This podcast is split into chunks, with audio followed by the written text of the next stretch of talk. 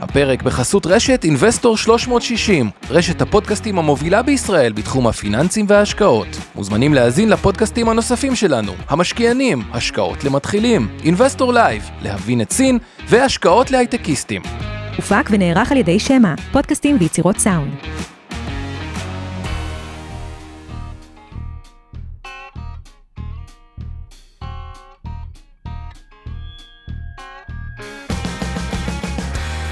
המשקיענים אבנר סטפאק ועומר רבינוביץ' בשיחה חופשית על התחומים החמים ביותר בעולם ההשקעות.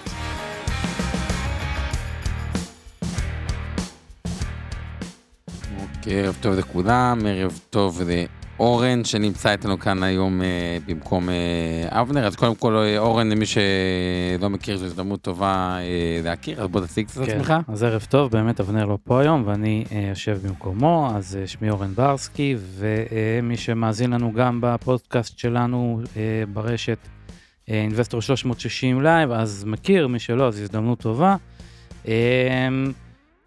הזדמנות טובה גם בשבילכם להכיר את Investor 360 Live, שזה פודקאסט אה, שאנחנו מעבירים בימי ראשון, אה, בדרך כלל בזום בלייב, אחר כך הוא עולה כמובן לכל הפלטפורמות, ושם אנחנו, פה אתם הרבה מדברים אחד עם השני, ולפעמים מארחים גם כן אנשים מעניינים, אז בימי ראשון אנחנו בעיקר בעיקר מארחים אה, אנשים מתוך תעשיית הפיננסים וההשקעות.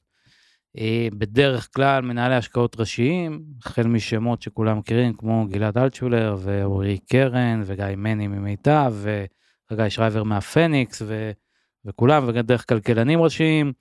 אה, היה אצלנו כלכלן ראשי של בנק הפועלים לפני אה, שבוע, וגם מנכ"לים של חברות מעניינות כמו אה, יעקב אטרקצ'י מהאמרה שהיה לפני כמה שבועות, וגם מומחים שונים לכל מיני תחומים, אם זה על רכב חשמלי, אם זה על אנרגיה ירוקה ואם זה על אה, לפעמים אה, אנרגיות מסורתיות, בכלל כל מיני אה, תחומים ככה מעניינים עושים להם drill down, אז זה בגדול מי שככה, אה, הרבה אני יודע שמאזינים, עשינו סקר, סקר המיליון לא מזמן, נכון. שהגענו, חצינו את רף מיליון האזנות, כבר קרוב למיליון 200, אה, ושאלנו שם באמת למה אתם מאזינים, יש באמת חפיפה מאוד מאוד גדולה בין החבר'ה שמאזינים לכם כאן במשקיענים לבין החבר'ה שמאזינים ב Investor 360 Live, אבל לטובת מי שלא, אז אה, הזדמנות טובה ככה לספר לכם ושתכירו גם.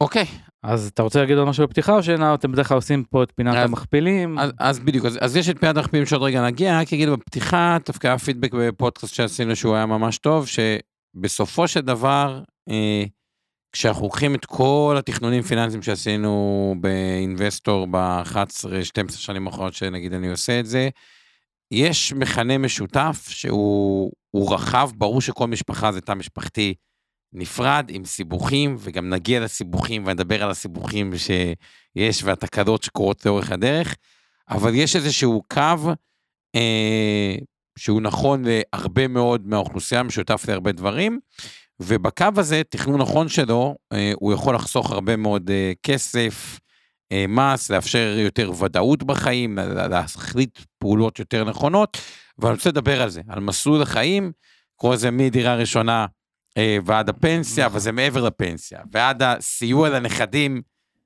בדירה אה, ראשונה, עם כל ההסתעפויות של זה. זה מה שנעשה כן. אה, היום, אבל נתחיל זה, בכמה... זה, זה עד לפנסיה ואז כבר אתה מתחיל לתכנן את הפנסיה של הנכדים. את הפנסיה של הנכדים ואת הדירה הראשונה של הנכדים, ואת התקלות והבלת"מים של הילדים. היום הסבא והסבתא זה בלם הזוזויים ה... העיקרי במשפחה. העיקרי כן. במשפחה, כשיש תקלה אצל, אה, תלוי בגילים, אצל הנכדים או אצל הילדים, שנדבר גם איזה תקלות קורות, אז הם הבלם הזעזועים, אז איך מגיעים למצב הזה מ... אה, שאתם צעירים עד למקום הזה שאתם בולם זעזועים אה, משפחתי והעוגן המשפחתי בצורה הטובה ביותר. אבל לפני זה בואו נתחיל ככה כמה מילים על המכפילים. אה, ארה"ב, ה-S&P מכפיל עתידי אה, 19.3, שימו לב, תשואת אג"ח ארה"ב טיפה ירדה, הייתה ב-4 ירדה ל-3.82, שוב, ה-S&P מתחילת השנה 16.6, הנסדק ככה נאבק בקו ה-40, כרגע הוא ב-40 מלמטה עם 39.6, מכפיל רווח עתידי 29, שזה לא, אי אפשר להגיד על זה שזה אה, זול. אורן, איך אתה רואה את ה... והראסל במכפיל עתידי 25. אז אני- אה, איך אתה רואה את המכפילים? אז אני אגיד לך, אני שמתי לב למשהו דווקא, הסתכלתי על הטבלה היום, שמתי לב למשהו אה, נחמד.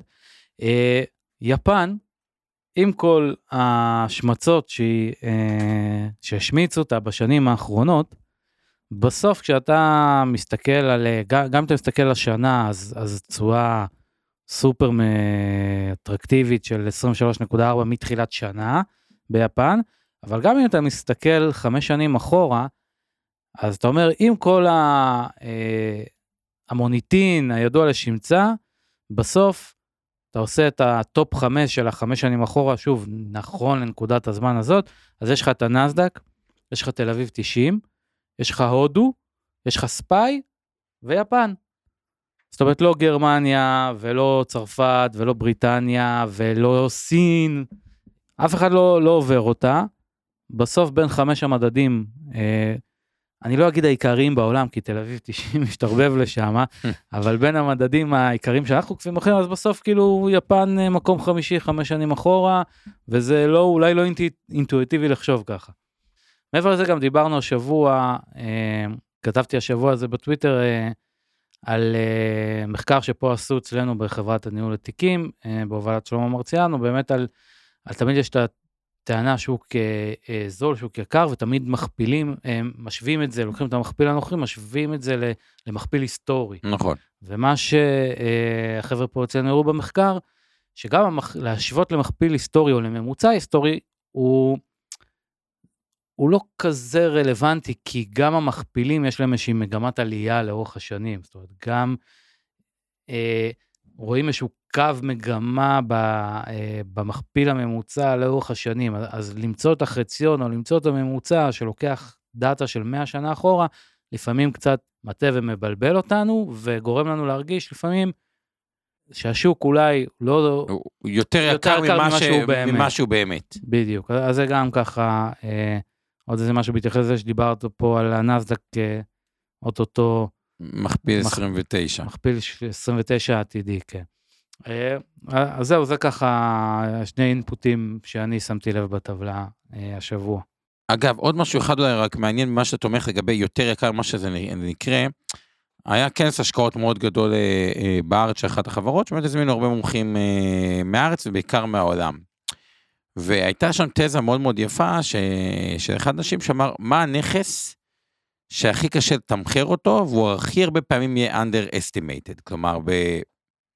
בחסר, בטח בתקופות אה, רעות, כמו עכשיו. הוא אמר שזה דווקא אה, חברות שכביכול הן אה, מה שנקרא צומחות מאוד מהר, אבל כביכול במכפילים מאוד מאוד גבוהים, כי אנשים כמעט ולא מצליחים לדמיין את הנושא של ירידת מכפילים בעקבות אה, צמיחה, כי אם תיקחו הרבה עסקים, אפילו את העסקי ענן, אה, נגיד של גוגל או של AWS, הם צמחו מאוד בהכנסות, הם שווים הרבה מאוד כסף, אבל עדיין הם לא, לא, לא ייצרו הרבה רווחיות אה, עד היום. אולי היום זה קצת אה, אה, משתנה, אבל כשזה עובר נקודה מסוימת, זה מתחיל לייצר רווחיות מאוד מאוד מאוד גבוהה שקשה ואיך אותו בהתחלה. עכשיו, למה אני אומר את זה בהקשר של הנסדק? כי יש שם לא מעט חברות שעל פניו נראות אה, אה, יקרות, וזה נכון לגבי קו טסלה נגיד בתחילת הדרך, למרות שלדעתי, שוב, אני אומר את זה, היא כן נראה לי קצת אה, אה, אה, יקרה היום, אבל כשמשהו חדש בתחום, ורכב חשמלי הוא חדש, והוא תפס כזה נתח אה, זעיר מתוך שוק המ, המכוניות, והוא צומח, מה שנראה יקר הוא הרבה יותר זול ממה שחושבים. זה היה נכון לגבי נטפליקס, שבתחילת הדרך שוק הסטרימינג היה בחיתוליו, הייתה במכפיל כן. גבוה, ואז עלתה עוד מאות אחוזים, או יותר נכון אלפי אחוז, אה, אה, אחוזים, ובגלל זה, זה, אני מתחבר למחקר שאמרת. כן, האמת שהזכרת את הנאזק וטסלה וכולי, אז פתאום אה, קטי ווד חזרה להיות קצת באופנה אה, בחודשים האחרונים, ואני רואה אותה שעוד פעם קוראים לה, מראיינים אותה בכל מיני אה, פודקאסטים ותוכניות בחו"ל, אחרי שהיא קצת ככה אולי ירדה מתחת לרדאר לאיזה שנה. אז היא באמת מדברת על זה הרבה, על ה... שואלים אותה על תמחור וכולי, באמת אנחנו, זה לא שאנחנו לא מתעסקים בתמחור, אבל אנחנו מתעסקים בתמחור של עוד חמש שנים. זאת אומרת, מה שאתה אומר, אם יש פה באמת, נגיד, קח את טסלה אחורה באמת, אז להסתכל על זה בעיניים של כאילו, עזבו מה קורה עכשיו, בואו נראה מה יהיה עוד חמש שנים, ששוק הרכב יתפתח, שיהיה יותר חברו, מכוניות חשמליות, שיהיה יותר זאת אומרת. עזוב את המכפיל הנוכחי, זאת אומרת, תן לי את המכפיל הנוכחי בראייה של אה, מה הוא יהיה עוד חמש עוד שנים, חמש זה, מה ש... מה... עכשיו- זה מה שמעניין. עכשיו, למה אנחנו אומרים את כל זה אה, אה, בהתחלה? כי תכף בתחנות החיים, אנחנו נבין איזשהו עיקרון שאני אגיד אותו כבר אה, אה, עכשיו. יש תקופה בחיים שבה אנחנו בעצם צוברים הון, שנראה תכף איך אנחנו מגיעים לתקופה הזאת עד גיל אה, 55, יכול להיות שצריך זה עד גיל 67, וגם פה יש איזה תחנות ביניים. אבל ייתכן ותהיה תקופה בחיים, איפשהו בין גיל 55 לגיל 57, או גיל 50 עד גיל, 50, עד גיל 67, שאנחנו קוראים לה באינבסטור, זו התקופה שהרבה פעמים הכי מפחידה אותנו, גם משפחות, תקופת המדבר. מה זה תקופת המדבר? זו תקופה שאחד מבני הזוג, או שני בני הזוג, לא עובדים, או כי הם נפלטו ממעגל עבודה, או כי הם לא רלוונטיים למעגל עבודה, או כי נשחקו נפשית, אה, הם לא רצו, מעגל עבודה לא, לא, לא רצה אותם, עוד אין פנסיה, וזה בעיקר נכון לבעלי משכורות גבוהות בהתחלה או בהייטק, שכן הפקידו לא מעט אה, אה, לפנסיה בשנים האחרונות, אז הפנסיה שלהם תהיה יחסית טובה. אבל התקופה הזאת, גיל 50 עד גיל 67, כשלא עובדים בה, זה צרכן כסף מאוד מאוד אה, גדול, ולתפיסתנו יש דרך מאוד מסוימת ומאוד ספציפית, שנכון להתמודד עם, עם הסיטואציה הבעייתית של תקופת אה, המדבר, אבל לפני שנדבר על הפתרון של תקופת המדבר, בואו נדבר על כן. איך הגענו אבל- עד תקופת המדבר, נתחיל יותר מה, מה, מההתחלה. אוקיי, אבל, אבל סייג אחד קטן על uh, מה שאתה אומר, אז אני חושב שמה שאתה אומר זה, זה נכון ויכול לאפיין בעיקר הייטקיסטים, או מקומות, אה, או מקצועות טכנולוגיים יותר, כי אני חושב שנגיד יש מקצועות, מה שקראו פעם המקצועות החופשיים, ששם דווקא אולי, או, או מקצועות שהם יותר late bloomer כאלה, יותר של פריחה מאוחרת, שאולי שם דווקא שיא הקריירה כן מגיע בגילאים האלה, עם עורכי דין, רואי חשבון, רופאים, כאלה שבאמת מצליחים להישאר אה, אה, על הגלגל לאורך השנים ו- ולהתפתח, אה, ואולי להקים את האופרציות של עצמם, אז הרבה פעמים, דווקא הגילאים האלה זה גילאי הפיק של הקריירה. בהייטק באמת החשש הוא תמיד שיש את הקליף הזה מעל אה, גיל 50, שזאת הסכנה הגדולה. נכון, אבל גם פה, אתה יודע, רופא אולי אני מסכים איתך, אבל גם פה קשה לי לראות איך מקצוע עורך דין או רואה חשבון וזה, נראה מי שהיום בן 30, איפה הוא יהיה בעוד 25 שנה עם כל עולם ה-AI והדברים כאלה, צריך להיערך, אבל אני מסכים איתך. נכון. יש את המקצועות של הלייט ברומוס, אבל חוץ מזה, אני רואה שפה אצלכם הצ'אט פתוח לכולם, וככה כולם, כולם כותבים אה, אה, לכולם, אז זה מאוד מאוד נחמד. בואו נתחיל, אה, בוא, בוא נתחיל אה, מהנקודה הראשונה. אז אמרנו, בעצם אנחנו רוצים לדבר על אה, תחנות של החלטות גדולות אולי בחיים בהיבט של תכנון פיננסי, אז אמרנו נגיע מהדירה הראשונה עד לפנסיה, אז בואו בוא נתחיל באמת עם הדירה הראשונה. בדרך כלל דילמה שמאפיינת זוגות צעירים, אולי קצת לפני ילדים, אולי קצת אחרי עם, עם ילדים קטנים, אולי גם חבר'ה רווקים שכבר צברו קצת, אה, מגיעים גיל 30, 35, אולי הם כבר חסכונות, אולי קיבלו קצת, מה- הרבה, הרבה מקבלים מההורים לטובת העניין גם, שאז גם אין דילמה, כי ההורים, אתה רוצה זה רק בשביל דירה, אין לך, לא נותנים בשביל שום דבר אחר, אז, אז אין דילמה. אבל בוא נגיד למי שיש, צברו קצת, הגיעו לאיזשהו חיסכון, קרן השתלמות אולי כבר מתחילה להיערם, תמיד יש גם את הדילמה, להוציא את הקרן השתלמות בשביל ההון העצמי, או כל מיני דברים כאלה. אז בוא, בוא ניגע בנקודה הזאת, זאת, זאת נקודת החלטה יחסית ראשונה, שבה עושים החלטה גדולה, זוג מתחתן, הספיק להביא, לא הספיק, רוצה לעשות את ההשקעה כן. הגדולה הראשונה שלו, אה, במחשבה על עתיד, כן דירה, לא דירה, דירה למגורים, דירה להשקעה, מה, מה העמדה שלך בנושא? אוקיי, אז אני אקח את זה שזו החלטה שהיא, אה, למי שכמובן מקשיב הוא זוג צעיר זה אחלה, אבל מי שהורה וילדים בני 16, 15, 14, 13, כאילו, או בכלל, הורה לילדים, זה גם כי זה גם תלוי בהורים, ואני תכף אה, אסביר. ה- הגישה שלנו שבסופו של דבר כנראה זוג לא יקנה דירת חלומותיו על ההתחלה, הוא יקנה דירה ראשונה, בין אם להשקעה או בין אם למגורים, ובאיזה שלב כשהתא המשפחתי יגדל וידעו איפה רוצים לגור ליד ההורים של החתן, של הכלה, עם מי מתחברים יותר, מי מתחברים פחות, מקומות עבודה וכו', יהיה איזה תהליך של שדרוג אה, אה, אה, דירה. אה, אז הגישה שלנו, לפחות באינבסטור, אה, אגב, פה אני ואבנר לא תמיד מסכימים אחד עם השני, כפי שאתם אה, יודעים מהפודקאסטים הקודמים, היא כן להיחשף לעולם הנדל"ן בצורה כמה שיותר מהירה, כי אתם, ו, וזה אבסורדי, כי אתם רוצים להיחשף לעולם הנדל"ן, ורוצים שהוא ירד. זה נשמע מצחיק, אני קונה נכס שאני רוצה שהוא ירד, כי השדרוג דירה, הוא תמיד יהיה יותר יקר באופן יחסי. זאת כלומר, אמירה, זאת אמירה כזה. כלומר, שכאילו, זו אמירה, אנחנו רואים את זה בתכנון פיננסי כניהול סיכונים, כגידור. הרבה אנשים לא יסכימו איתה, אינטואיטיבית זה, זה ככה יגרום להם טיפה אה, לזוז באי נוחות נראה לי, ו- ולהתנגד לאמירה הזאת. אז בואו ננסה להסביר אותה יותר לעומק. הרעיון הוא כזה, תחשבו שיש לכם, בסופו של דבר, הדירה המשודרגת, וזה פונקציה של הרבה דברים בחיים, בשביל אחד, גם בגיל, עצם הקניית הדירה זה חלום חייו, אבל הרי אצל רוב האנשים רוצים להגיע לדירה, אה, או אם קנו, או אם יש להם את הכסף בהתחלה שלושה חדרים לחמישה חדרים, או פנטהאוז, או צמוד קרקע, אה, או דירה יותר גדולה, או אזור יותר קרוב למקום שיותר אה, רצו. והדירה הזאת היא יותר יקרה באופן משמעותי מהדירה אה, הראשונה. אגב, בכמה משמעותי? אה, יש פער. זה יכול להגיע גם משתי מיליון, מיליון וחצי, לפעמים גם יותר אה, אה, מזה, מהדירת המגורים הראשונה. ואם אתם לא נצמדתם, עכשיו יש שתי אפשרויות, אנחנו לא נביאים, וזה גם, נחזור לזה בתקופת המדבר. אני לא יודע אם השקל יהיה חלש או חזק, אני לא יודע אם שוק ההון הישראלי יהיה בצורת גבוהה יותר או נמוכה יותר מהשוק האמריקאי, אפשר להתווכח על זה, הנה עובדה, פינת המכפילים, מכפיל ממוצע בישראל 10, מכפיל ממוצע ב-S&P 20. כן. פי 2 בתמחור, ישראל יותר זולה, ארה"ב יותר אה, יקרה, אה, אבל עם האתגרים שיש לנו פה ב, אה, בישראל.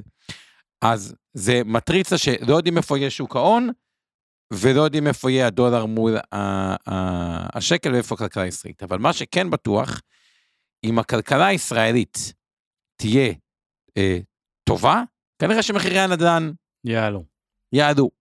ואגב, כנראה גם שהשקל יתחזק, וכנראה שמניות בארץ יעשו טוב. טוב. כלומר, זה, זה, זה שלושה דברים שיעשו. ואז אני אומר ככה, לא להיחשף לעולם הנדל"ן הישראלי, הרבה פעמים מלווה גם בדברים שאני רואה לאחרונה שאומרים, טוב, גם לא רק שאני לא רוצה להיחשף לעולם הנדל"ן, אני גם לא רוצה שהכסף שיושקע במניות ישראליות, וכל הכסף צריך להיות מושקע בארצות הברית. זה אומר בגדול, שאם משהו בארץ כרגע, שזה נראה מאתגר, אבל כל תקופה מאתגרת נראה שהיא תימשך יותר זמן ממה שהיא קורית במציאות, וכל תקופה טובה, אגב, יש תחושה שהיא תימשך גם יותר זמן ממה שהיא אה, קורית במציאות, ואז זה בעצם אומר שאם בטעות טעינו, ויקרה תרחיש 2021, שמה זה תרחיש 2021? שוק המניות בישראל היה מהטובים בעולם, והשקל הגיע ל-3.1, ומחירי הנדל"ן עלו. אם פה לא היינו או במניות ישראליות, או בדירה אה, להשקעה, אה, אכלנו אותה. כלומר, כוח הקנייה שלנו נשחק. נשחק ברמה שאי אפשר להסביר אותו. עכשיו, מה הבעיה אם לא להיחשף לנדל"ן? על פניו, הפעולה הרציונלית, אוקיי, אני לא רוצה להיחשף לנדל"ן, יש היגיון להגיד, אוקיי, אני בונה תיק של מניות, 100% נגיד מניות ישראליות. למה? אז, אם הנדל"ן בארץ אה, מתייקר, כנראה גם שהמניות יעשו טוב והשקל יעשה טוב. אבל מי שרוצה לקנות דירה, אין לו תמיד את האומץ לשים 100% מהכסף מניות. במניות ישראליות. כן. ואז אין, כלומר, רק כאילו מניות ישראליות ונדל"ן, או, או, או, יש בהם קורלציה, והרבה פעמים אני רואה, ו, ואז אם לא עושים את זה, ובסוף אה, השוק הוא כן יהיה טוב, ובכל זאת, בואו, יש פה דמוגרפיה חיובית, יש פה יחס חוב תוצר מאוד מאוד אה, אה, אטרקטיבי יחסית אה, לעולם, כלכלת הייטק משגשגת וכו', ולכן, מכיוון שיש קושי נפשי בלקחת את כל הכסף שלנו, ואני ראיתי חברים גם שמכרו דירה, ואז אמרתי, אוקיי, מחכים לדירה הבאה וזה, לא יודעים מה, בוא תשים לו כסף במדינות ישראליות. לא עשו את זה. אה, עשו את זה. עשו את זה חלקית, אבל כאילו לא פשוט, כי עוד פעם, זה נכס שהוא מגדר, תחשבו על זה סתם. חברות נדל"ן, אפילו בוא ניקח מקרה יחסית מפורסם, אוקיי? ושוב, אין פה המלצה, לא שורט, לא לונג, ותשומת מתוך נקודת הנחה שכל, שכל מניה מוחזקת פה גם על ידי הקרנות, גם על קופות השתלמות וכו' של מיטב, למרות שאבנר לא אה, אה, פה, וגם בקרנות נאמנות אה, וניהול תיקים של אה, אינבסטור. אבל בוא ניקח את הדוגמה שהיא מאוד מאוד בכותרות של חנן מור, אוקיי? אז אה, אם אני רק אכנס למספרים כדי שנבין את זה, אם המניות נדל"ן, אם מחירי הנדל"ן יעדו, חנן מור קנה קרקע קצת יקר, אה, ונפל ממחיר בשיא למחיר, אה, הוא היה על... הוא היה 6,400. 6,400, באזור המיליארד שקל. היום הוא 6, הוא 160. היום הוא ב-160, כלומר, ירד ב-75 אחוז, קצת פחות מ-300 אה, אה, מיליון. הרי ברור לחלוטין, כלומר, עוד פעם, ירידה של 70 אחוז. ב... אה, הוא בשיא ירד 85 אחוז, היום הוא... נכון, הוא ירד, על 70 ירד 85, קפץ, תבינו, קפץ כמעט 100 אחוז בשביל כן. להיות מינוס 70 אחוז מהשיא. כן. אז ברור שאם מחירי הנדל"ן יעדו, גם מניות הנדל"ן אמורות לעלות ולעלות חזק. בדרך כלל שוק המניות מעניש גם ביתר נכון. אה, אה, באזור ה... עכשיו מכיוון, עכשיו למי שיש, אה, אה, אפשר, אפשר להתווכח על זה, כי, כי אפשר להגיד, רגע, בנק הפועלים היום, או לאומי וכו' וכו', תשמע, נסחר ב-0.85 על ההון או 0.9 על ההון, תלוי ב, ביום שבודקים, בכל זאת מניות זה תנודתי. כן. עושה 10 פלוס על ההון, אז למה לקנות אה, דירה? אגב, נותן דיבידנד של 5.39, שהוא הרבה יותר גבוה מאשר השכירות. אז אני קונה נכס שנסחר ב-15% על ההון העצמי ומייצר כאילו רווח של 12... כן, אבל אתה... 13 אחוז. לא, עכשיו הנקודה היא, האם באמת נפשית, אני יכול לקחת זהו. כסף שמיועד לדירה, מיליון שקל, סתם דוגמה, או חצי מיליון שקל, ולשים אותו 100% על מניות בארץ, דוגמת בנק לאומי ופועלים. כנראה שרוב האנשים לא יוכלו... כנראה לעשות. שרוב האנשים לא יוכלו לעשות את זה מבחינה רגשית, ואם אי אפשר לעשות את זה מבחינה רגשית, עדיף כבר להיחשף לנכס שבאמת אה, אה, מגדר אותנו, הוא גם, אה, אה, אז פה זה ה... בקיצור, אתה אומר, אתה אומר את הדבר הבא, תראו. עכשיו הבעיה היא כזאתי, גם ההורים שלכם, אוקיי, שרוצים אולי לעזור לכם בכסף, שנייה, יתמכו, הם גם לא משקיעים את זה בנכס שמגדר, הוא לא אומר, טוב, עד שאני אעזור לילד, אני אשים את זה במניות ישראליות, שאם הכלכלה פה תהיה חזקה, אז יהיה לי יותר כסף, כי הדירה שותה לי יותר כסף. הוא שם את זה בפיקדון. כלומר, גם הכסף של ההורה שחונה בשביל הילד, כמי שיכול לעזור לו, לא מושקע נכון, גם הכסף של הילד לא אה, אה, מושקע בצורה שמגדרת, ואז יכולה להיווצר פה... אה, אז רגע, אז אתה, אומר, אז אתה אומר אותו זוג נגיד, על איזה סכומים אנחנו מדברים? צוואר, 200, 300 אלף שקל, משהו כזה. אה, תראה, זה משתנה, כי אזור המרכז יכול להיות 200-300 דירה להשקעה יותר באזור כן. כזה, כל אחד גם במשכורת שלו וזה, וגם בעזרה מההורים, אז פה זה משתנה. ברור שככל שיש יותר כסף בהתחלה או תמיכה מההורים, אפשר לקנות דירה שיותר מגדר את המקום הקבוע שלנו, את הבית הקבוע כן. שאנחנו יכולים... אה, אז אתה אומר, בגדול, בגדול הצעד הגדול הראשון ש...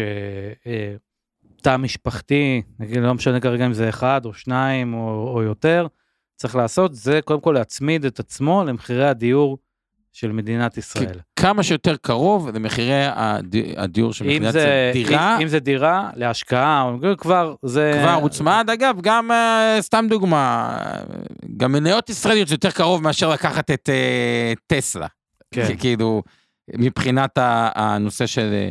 Uh, צריך גם להגיד עוד משהו בעניין הזה, שאומנם זה לא זה לא מהמקום של אה, להצמיד או, או שהוא היגיון כזה, אבל, אבל יש פה פשוט גם הטבת מיסוי שאתה מקבל. נכון. אז לגבי המס, בעיקר מי שמשכורות גבוהות, אז ישלם על ההכנסות שלו מאוד גבוהות, 28 אחוז, כי 25 אחוז פלוס 3 אחוז מס אה, יסף, אנחנו פוגשים את זה ביום יום, אבל שמוכרים מניות ברווח, שמוכרים את הרסיום מי שבהייטק אה, וכו' וכו' וכו'. ועל דירה הראשונה אין, אה, יש פטור ממס על הרווח הון, מה שנקרא מס שבח עד רף מסוים וכו' אה, וכו', גם אין מס אה, רכישה, גם אפשר לפעמים לקנות דירה או יד ראשונה מקבלן באיזושהי הנחה, או לאתר איזה אזור שיעבור פינוי-בינוי עם איזשהו אפסייד, ו... וגם יש יותר זמן. אל תשכח, יש יותר זמן. מה הכוונה? כשאנחנו צעירים בלי ילדים, ראשון יש יותר זמן לחפש, לבדוק וזה, מאשר אנחנו כבר באזור, הילדים בגנים, מפנים אותנו מדירה, ואז הילדים בלי גנים וחייבים למצוא, ואז עושים את העסקה, דוחצים על ההורים, ועושים עסקה בדרך כלל שהיא באובר במחיר, כי הילד לגן, צריך לרשום אותו, ו- ו- והולכים על מה שפנוי, גם אם הוא יקר. אבל אני התכוונתי לעוד עוד איזושהי הטבה, שבוא נגיד בהנחה אתה הולך על, על דירה כנכס להשקעה, אז יש לך בעצם 60 אלף שקל בשנה, שאתה יכול לקבל תזרימית בלי מיסוי. תזרימית בלי מס בכלל, נכון. וזה גם כן, אם אתה חושב על זה ככה, אתה אומר, אוקיי, אז כל אחד ש, שמאזין יכול לחשב כמה הוא צריך להוסיף לברוטו שלו במשכורת כדי לקבל עוד 5,000 שקל נטו. השלושה אחוז זה בעצם ארבעה אחוז. במובן מסוים, כן. במובן מסוים, שלושה, או היום גם יכולים להגיע לשלושה וחצי אחוז, בוא נמשיך הלאה. אוקיי, אז בוא נגיד ככה, אז קנינו את הדירה הראשונה, לא משנה כרגע אם זה להשקעה או התפשרות על דירת המגורים, כי הרי כמו שאמרנו לא נגיע לדירת החלומות בדירה הראשונה, עברו כמה שנים, חלק מהמשכנתה כבר ירד. בדרך כלל גם כן ישראלים, יש להם נטייה, גם אם פתאום מקבלים איזשהו סכום כסף, או, אה, או חוסכים קצת, אז הנטייה שלהם היא בדרך כלל גם כן להוריד מהמשכנתה, נכון. לא לקחת את זה למקומות אחרים, אלא להוריד מהמשכנתה. עברו כמה שנים, הילדים כבר קצת גדולים, אה, גם מתקדמים קצת בחיים, מצליחים עוד לחסוך גם אולי עוד טיפה, ועכשיו יש את הדילמה הבאה, רוצים לשדרג את, את אה, בית המגורים. נכון, וה... כבר אי אפשר לתקוע שתי תינוקות בחדר, כבר כל אחד צריך את המרחב שלו, את הספייס שלו, רוצים להתקדם הלאה. נכון, אז הדבר החכם שאפשר לעשות בזה, הוא קודם כל לא לעשות את הטעות. מה זה הטעות? מה זה הטעות? הטעות זה לקנות... פה, פה נגיד גם כן, כבר הצטברו גם כן כנראה סכומים קצת בקרן השתלמות, בקופת גמל. נכון, הטעות היא קודם כל שקנינו דירה נוספת, אני לא מדבר על דירה ששדרגנו בשביל למכור את הדירה הראשונה, מה שנקרא קנינו, ואז נמכור, ואז זה הבית הקבע שלנו, לקנות איזושהי דירה להשקעה שהיא באמת לונג טרם, ואז אה, בעצם מנענו מעצמנו את האפשרות למכור את הדירה בפטור ממס אה, שבח הראשונה. עכשיו, כאן בואו נדבר על הבין לבין. לפני שאנחנו קונים את הדירה השנייה, אנחנו צריכים לחשוב מה אנחנו עושים, יש לנו דירה ראשונה. אגב, זה גם נכון למי שאין לו את ההון הראשוני לדירה הראשונה. מוצר הקופת גמל להשקעה, לתפיסתנו באינבסטור הוא מוצר טוב, כי בסופו של דבר, אנחנו, ב- ב- כשאנחנו נבוא לשדרג דירה, או שנבוא לקנות את הדירה הראשונה עם ההון שחסכנו, אנחנו לא יודעים תמיד פלאג נאמבר אחד, מה ההורים כן יביאו, לא יביאו, באיזה מצב אנחנו פוגשים אותם בחיים, ואיזה סיכונים או סיכויים או ירושות אה, הם קיבלו בעצמם. ובגלל זה, ככל ולא ננצל בסופו של דבר את קופת הגמל להשקעה לטובת השדרוג דירה, או לטובת קניית הדירה הראשונה, כי קיבלנו עוד איזה סיוע בוסט, נקרא לזה, מעזרה משפחתית, ועשינו את זה בגיל מספיק צעיר, גם סכום מאוד מאוד קטן של כסף, שעובד במשך 30 שנה, 40 שנה, אה, אם תיקחו בן אדם בן 30, אה, שהפקיד רק פעם אחת לקופת גמל להשקעה, פעם אחת, לא יותר מזה, את ה-70 ו... משהו אלף שקל אה, שמותר היום, אני אקח ברשותכם 80 אלף שקל כדי שזה יהיה אה, אה, מעודכן. אז את כל הסכום הענק של הרווח, רק שנבין מה זה רווח, אם בן אדם בן 27, אני בכוונה לוקח, הפקיד פעם אחת 80 אלף שקלים, בפרישה שלו יש מיליון 700. עכשיו, הדבר הזה, שוב, הפקדנו 80, תחשבו מה זה 25 אחוז על מיליון 700, זה משקף אה, 400 אלף שקל מס, זה משקף פי חמש מסכום, תחשבו, 500 אחוז, פי חמש מסכום ההשקעה שלנו, ואת כל הכסף הזה אפשר למשוך באפס, פטור ממס, כפנסיה. עכשיו, למה אני אומר את זה? כי בשביל להגיע לאותו מיליון 700, אם לא עשינו את זה בגיל 27, אלא הפקדנו את זה סתם לדוגמה, בגיל 50, אז אותם 80 אלף שקל בגיל 50, אם אני אקח 17 שנה קדימה, במקום סכום של מיליון 700, הם 300. כלומר, אנחנו צריכים להפקיד פי 6 פי שש. פי באיזה שש- גיל, באיזה גיל אמרת? בגיל 50, אתה צריך אוקיי. להפקיד פי, פי, שזה פי. בעצם, יפה. ואז אני אומר את הדבר הבא, בין לבין, בתקופות בין לבין, עד הדירה הראשונה, או בין הדירה הראשונה לדירה השנייה, קופת גמל להשקעה לבני אה, אה, הזוג, יכול להיות מקום טוב, אם נקנה דירה ונהיה חייבים את הכסף הזה, מה שיקרה ברוב המקרים, נמשוך אותה, אבל אם בטעות לא נשתמש בזה, כי יש לנו, כי קיבלנו מקור חיצוני, זה לא משנה מקור חיצוני, או RSU מהחברה, או אה, אה, בונוס, או אה, מזל, או הורים, או סבא וסבתא, או, לא, או, או, או כל אחד וה... אני, אני בעניין שלי רואה את זה, זאת אומרת, אתה מדבר, קודם כל יש את ההצמדה למחירי הדיור, אה, ומה שאתה מתאר פה, אני, אני רואה את זה בעיניים שלי כמו השכבה הראשונה, אוקיי? אה, בטח אם אתה מדבר על תקופת מדבר של אה, מגיע איזשהו גיל שקשה יותר למצוא עבודה, אז גם ההפרשות פנסיוניות קצת נפגעות, או יותר נכון. קשה לעמוד בהן. אז אם אתה כבר בגיל צעיר דואג לשכבה הראשונה, מה שנקרא, שזה בעצם השכבה השנייה, מעל, מעל הפנסיה- הפנסיה, מעל נכון. הפנסיה, אבל זו השכבה הראשונה שאתה מייצר לעצמך, אז כבר אתה, אה, ולפעמים מאוד מאוד קשה לראות את זה או לחשוב על זה בגיל 27 או בגיל 30. אתה אומר, מה, עד גיל גם בגיל 60? 50 לפעמים אנשים קשה להם לחשוב על זה. נכון. נזכרים בזה בגיל 62. כן, בדיוק. אבל אתה אומר, אבל אז זה יעלה להם 300 אלף במקום אה, 80 אלף. נכון. בגיל 27. אותו, בדיוק, אותו תזרים פרישה, 300 במקום 80, זה המספר. אז אני אפילו אומר, לפני הדירה, לפני הכל, באמת מי שיכול ויש לו את ההזדמנות הזאת אה, לעשות את זה, אז באמת לדאוג לשכבה הראשונה הזאת. זה כמו שאמרת, זה מספרים אה, מטורפים אה, לאורך השנים, לייצר את השכבה הראשונה הזאת שנותנת לך עוד את ה...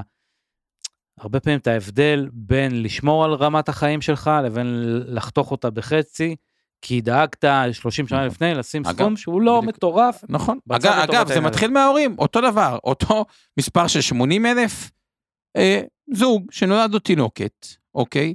אז פתאום זה 67 שנים אה, בקופת גמל להשקעה עד הפרישה, ובמקום 80 אלף, בשביל להגיע לאותם, אה, שתבינו את הקטע ה- אה, המצחיק, דיברנו על 300 אלף בגיל אה, אה, 50, אז תראו את את המספר הבא.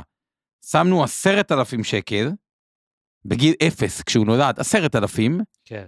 זה מה שעשיתי לבת שלי. האמת, במקרה, זה יצא באופן מקרי, באותה תשואה של 8% 67 שנה, וכמה זה מגיע? כמה? מיליון 700. וואלה. כלומר, עשרת אלפים בגיל אפס, אז תקשיב. אני עשיתי, כשהגדולה נולדה, ועשינו את זה מאז לכל ילד, שמנו עשרת אלפים שקל קופת גמל על שמם, ועוד, גם הפקדה חודשית מינימלית של אה, 200 שקלים, משהו שאפשר לעמוד בו כל החיים. איפה החשש שלי אבל, וזאת כבר העבודה שלנו כהורים, כי בסוף תגיע לגיל 20, 21, אולי אני אמשוך את זה עד 30, בסוף זה על שמה, אני אבוא ואגיד לה, תקשיבי, זה מעביר לך את השרביט, תחליטי מה את עושה. מודה את זה עכשיו, השתמשת בזה, או ממשיכה את ההפקדות שלך עד גיל 30 עד הפנסיה. אז- יש פה את האלמנט באמת של להעביר לא רק את הכסף, אלא גם את הידע ואת הראיית עולם הנכונה לדורות הבאים. נכון, אבל, ופה אני אגיד לך למה אני, אני מבין את החשש, אבל למה עדיין הייתי עושה את זה? לא, אני, כן. בעד שהיא אז- תעשה את זה, אבל זה יהיה על שמה. לא, כי- בסופו של דבר, מה אתה רוצה, יום יבוא, וזה מה שקורה בתוחלות הארוכות. והאמת זה גם החינוך הכי טוב, אתה מראה להם מה שה- קרה. בדיוק, אתה מראה להם מה קרה, ובסופו של דבר, היא תטפל בכסף שלך, שאתה תהיה בן 85 או 90, או כבר אה, בכשירות פחות טובה, ותצטרך לקחת אחריות על סכום הרבה יותר גדול.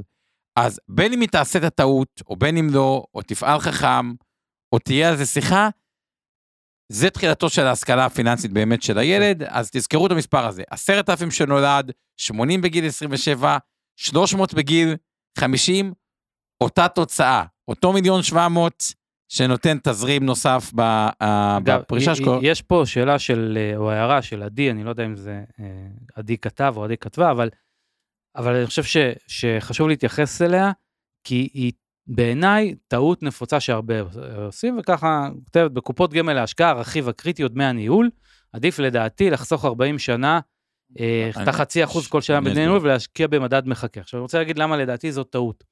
אני גם אגיד למטות, אגב, כת- כתבו על זה, תשמעו, יש עוד איזה פודקאסט, לא משנה, לא רוצה השקעות למשהו אחר, לא מתחילים, לא משקיענים, אה, שכתבו שם וכו' וכו' וכו'. אה, ואפילו שלחו לי באישי רק, שלחו לי באישי את ההערה, את אותה חישוב, למה זה זה, ואת המינוס אחוז, דיברתי על זה עם מנהלי השקעות ראשיים, הם כתבו דברים לא נכונים, אבל תתחיל אתה ואז אני אגיד מה, מה, אני מה אגיד, הטעות שיש. יש פה שני אלמנטים, אני אגיד אחד מהם, אם אתה תפגע גם לשני, אז אחלה, אם לא, אני אגיד אותו אחרי זה. קודם כל, יש פה טעות אחת מאוד מאוד בסיסית, אה, והיא שאנשים אה, לא מבינים את המס שהם הולכים לשלם בפנסיה. אז אם אני עכשיו, ולא מבינים את, כאילו, מה הם באים ואומרים? כל הטבת המיסוי הזאת שאתם מדברים עליהם, היא בסוף מתקזזת עם הדמי ניהול לאורך השנים, ועדיף לי לוותר על ההטבת מיסוי הזאת ולחסוך בפחות דמי ניהול, עם קרן מחכה לאורך השנים. ואז כשאני אגיע לגיל 60 או 67 וארצה למשוך, גם שם יש לי בעצם איזושהי הטבת מיסוי, אפילו על תיק ממוסה. אה, זה בעצם, יש לי מדרגות מס יותר טובות בגיל, מעל גיל 60 או בגיל הפרישה. אבל מה שהם לא לוקחים בחשבון פה, שלרובם תהיה לפני זה קצבת פנסיה, שכבר כנראה תמלא להם ואפילו תחרוג מעל נכון. מדרגות המס הראשונות, ואם הם יתחילו למשוך כסף מתיק השקעות אה, ממוסה כמס פירותי, או ירצו להכניס אותו תחת המטריה הזאת, אז הם כבר בדרגות מס הרבה יותר גבוהות, הרבה יותר. וכל מה שהם חשבו שהם חסכו, מנעו מעצמם את הדמי ניהול לאורך השנים, הם הם- ישלמו 2% לשנה יותר, כאילו, בגלל הם ה- יגלו שהם המס. עשו טעות, כי הם לא התחשבו בקצבת פנסיה, שזה משכורת לכל נכון. דבר, ויש עליה מס שולי, והמדרגות פנסיה שאתם בונים עליהם ל- לפרישה, בעצם כבר יתמלאו ויתכסו על ידי הקצבאות האלה, וכל מה שתוסיפו מעל תשלמו יותר. אז לא, אני אלך יותר לבייסיק. תענו ואני אקרא לכם בדיוק מה שלקוחות אה, שלחו לי. הנה ציטוט של עיקר דבריו. קופת גמל להשקעה, דמי ניהול גבוהים, לא משנה, נגיד 0.6 עם ההוצאות ניהול ההשקעות, הפסד תשואה שנתית בגלל מיסוי דיבידנדים, ויתרת מזומנים מינוס אחוז. וזה אומר דמי ניהול ריאליים 1.6. קרן סל מחכה מדד, דמי ניהול גלויים 0.1, הפסד תשואה שנתי בגלל מיסוי דיבידנדים 0.3, עמלת קנייה, לא משנה, 0.07 אה, היא זניחה, דמי ניהול ריאליים 0.4. כלומר, השוו דמי ניהול 1.6 לדמי ניהול 0.4. שאלתי מנהלי השקעות, כי אני לא מכיר את ה-1% היתרת מזומנים, האם הם מסכימים למספרים? כלומר, שהדמי ניהול הם באמת 1.6 בגלל היתרת מזומנים. וקשקוש בלבוש, אוקיי? פשוט כל מה שכתבו שם, המינוס אחוז, פעם היו יתרות מזומנים, היום על יתרות מזומנים מקבלים אה, ריבית גבוהה, עושים את זה בצורה חכמה, המוסדים עם חוזים עתידיים. היום ספציפית אגב, לפעמים, אחרי הדמי ניהול, קדימה, אני לא מדבר רק- מה שאחורה, הקופת גמל להשקעה מחכה S&P תיתן תשואה יותר טובה מה-S&P אחרי העלויות שלה, כי גם למדו לשחק מאוד טוב עם היתרות מזומנים אה, בצורה חכמה, ועם חוזים עתידיים בצורה חכמה, ככה שגם תקבלו תשואה יותר טובה. אבל כל הנחת הבסיס, כאילו קופת גמל להשקעה באמת עולה 1.6, לעומת 0.4, היא קשקוש בלבוש. כלומר, כן, אין פה... לא, אה, זה לא עולה, זה... היא לא, היא, היא, היא, היא לא נכונה, לפחות לפי מנהלי השקעות. אה, כן. אה, אבל בוא אה, נגיד, אפילו אם אתה לוקח אנשים- את אותה, יש חברות שיש להן ממש את אותה תעודה מחכה, שאתה יכול לקנות אותה בתיק השקעות ממוסף, אתה יכול גם כן, או לקנות אותה ב-IRA, או, או בעצם לקחת את המסלול, שזה בעצם, אם זה אותו גוף, אז זה כנראה גם בדיוק אותה, אותה דרך ניהול, וכאילו זה כביכול זה אחד לאחד, אה, אבל אה, עדיין בסוף במיסוי אתה כן, אין, אה, זאת אומרת, ה-25% מס, אוקיי, אבל בוא, זה, לא נושא כן. של היום, אבל ה- ה- לתפיסתנו, וממה שאני בדקתי, אני אומר את זה תמיד עם זהירות, אני בכלל חושב שזה זה זהירות, ותמיד אם כזה טעות אני אשנה את דעתי, אבל ממה שאני גם ביררתי עם מנהלי השקעות, מה שרשמו הוא פשוט לא, לא, לא לא נכון. מדויק. כן, יש הרבה אה, אי דיוקים בדברים האלה. אה, בוא נמשיך הלאה. נמשיך הלאה, יפה. אוקיי. הצמדנו את עצמנו למחירי הדיור, דאגנו לשכבה הראשונה. השכבה הנכונה, מי שהיה אבא תותח כבר דאג לילד השכבה הראשונה בלי קשר, כמו שאתה עשית לילדים, מי שעשה בתותח לפעמים, אה, דאג לנכדים. אגב, זה פותח עוד משהו, שתבינו, סתם. היה אצלי זוג לקוחות שהם בני 60 היום. עכשיו, יצא שאבא שלהם היה תותח, אם אתם זוכרים שהיו את הקופות גמל הוותיקות, שאחרי 15 שפתחו במעמד עצמאי, שאחרי 15 שנה הן הופכות להיות פטורות ממס. אה, והוא עשה להם את זה. אז זה הטבה הראשונה, שבאמת היה להם כסף שעבד אה, אה, קופות גמל פטורות ממס לחלוטין, הטבה שהייתה טובה מדי, אז הפסיקו אותה. אז הם הרוויחו את זה. אבל פתאום זה פתח להם עוד משהו. היום ספציפית, למי שיש את הקופות האלה, יש איזה תרגיל פנסיוני כן. שניתן לעשות אותו, עם לקחת פנסיה מקרן פנסיה מקיפה, עם אה, אג"ח מיועדות וכו' וכו' וכו', שיכול לעשות אותו רק מי שפתח את קופות הגמל העצמאיות האלה. אז כביכול היה פה רווח כפול, הטבה על הטבה, ש, אה, שקיבלו, אז לפעמים זה גם פותח עוד דלתות, מה שלא היה אם לא היו עושים את זה, אבל זה נושא אחר. אז, אז המשכנו, בואו נמשיך הלאה קצת אוקיי. לשדרוג דירה. יפה, השדרוג דירה. אז הנה, הנה דוגמה, יש לי דוגמה מהחיים, זוג חברים שבדיוק, שבמרכאות סבלו ממה שאתה אומר, אה, או, או, או, או סבלו ממה ש... מזה שלא קרה, מה שאתה אומר שעדיף שיקרה, הזכרת, אמרת מקודם, אני מזכיר, מי שקונה דירה עדיף לו שמחירי הנדל"ן ירדו, ירדו. כי זה יעזור לו נכון. יותר לדירה. השנייה שכאילו... יפה. אז קודם כל תסביר למה, ואז אני אספר סיפור קצר הזוג חברים. בוא ניקח הכי פשוט, קנינו דירה בראשון בעבר, או במרכז, או ב... לא משנה מה, אה, פתח תקווה, בשתי מיליון שקל. כנראה ששווה יותר, שווה היום נגיד, סתם דוגמה, שלוש. אבל הפנטהאוז נגיד שעלה אז שלוש מאתיים, הוא לא שווה ארבע מאתיים. הוא היום שווה חמש, כן. חמש וחצי. כאילו, עלה משמעותית הרבה יותר. עכשיו, אם הפער הזה היה נשמר, השתי מיליון היה שתי מיליון, השלוש מאתיים היה שלוש מאתיים, כלומר, אבל מבחינת בעיה. אין בעיה. ולכן, בהנחה שאתם רוצים לשדרג את הדירה בשלב כלשהו, אתם תלכו לנכס, גם ככה הגידור, וזה למה זה פעולת גידור, הוא גידור חלקי, הוא מגדר רק 60% מהעלייה.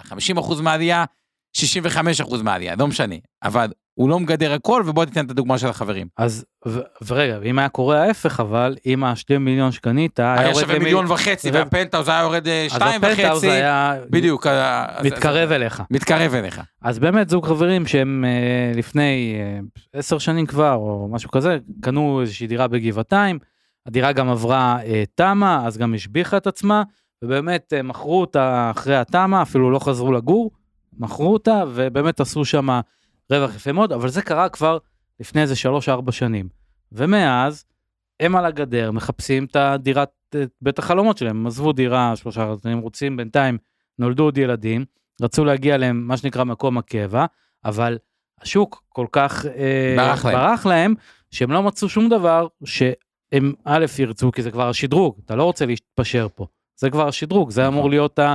פה אתה אמור לבלות, כנראה שיש שדרוג אחד בחיים, לפעמים יש שניים, אבל כשאתה עושה את השדרוג השני, אתה בונה על זה שאתה שם לפחות עד שהילדים גדלים, ולא מצאו, כי השוק אה, ברח בעניין הזה, במובן הזה. ודווקא אה. פה היה עוזר להם התזה שלך, כי אם השוק היה יורד, היה להם יותר קל למצוא נכון. את השדרוג הזה. עכשיו, איזה שינוי כן יש כשיש דירה ראשונה, מבחינת השקעות? כנראה הרבה, הרבה גם אומרים, תשמע, אני גבולי עם השדרוג, אני לא יודע אם אני אגיע או לא אגיע. אבל פתאום יש היגיון לקחת את הנכסים שלנו יותר להשקעות, ה- ה- נגיד, פתאום ההשקעות המניות שאמרתי בהתחלה, מניות ישראליות, אם, אין, אם יש דירה, יש היגיון אולי לקחת את זה יותר להשקעות חו"ל. ואני אסביר רגע, ופתאום אני אומר, רגע, דבר והיפוכו, כי הרבה פעמים, מתי יהיה לנו את היכולת הפרקטית לשדרג את הדירה? לא שהשוק רותח. כשהשוק הוא טיפה יותר מצונן, כן. כמו היום. עכשיו, תראו איזה יופי, זה מה שאני מדבר עם אה, לקוחות. מי שהיה... אגב, היום הם הצליחו.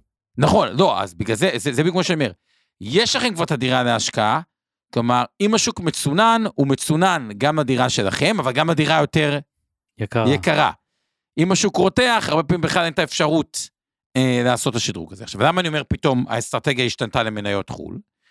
כי אני כבר לא, כי אם השוק מצונן, כמו היום, מי שהקשיב והשקיע במניות חו"ל במקום מניות ישראל, אז עכשיו הוא מקבל שוק מצונן. באופן יחסי, מניות חו"ל נתנו תשואה עודפת פעמיים על המניות בארץ, גם כי הדולר התחזק וגם כי המניות נתנו תשואה עודפת. ואז פתאום נפתח לו, או גם יכול להיות שיש לו גם RSU, מניות כאלה, כאילו, מה, מהחברות, מי שעובד בגוגל, מייקרוסופט, אה, אה, אמזון, אנווידיה וכו' וכו'. ואז נפתח איזה חלון צר, אוקיי?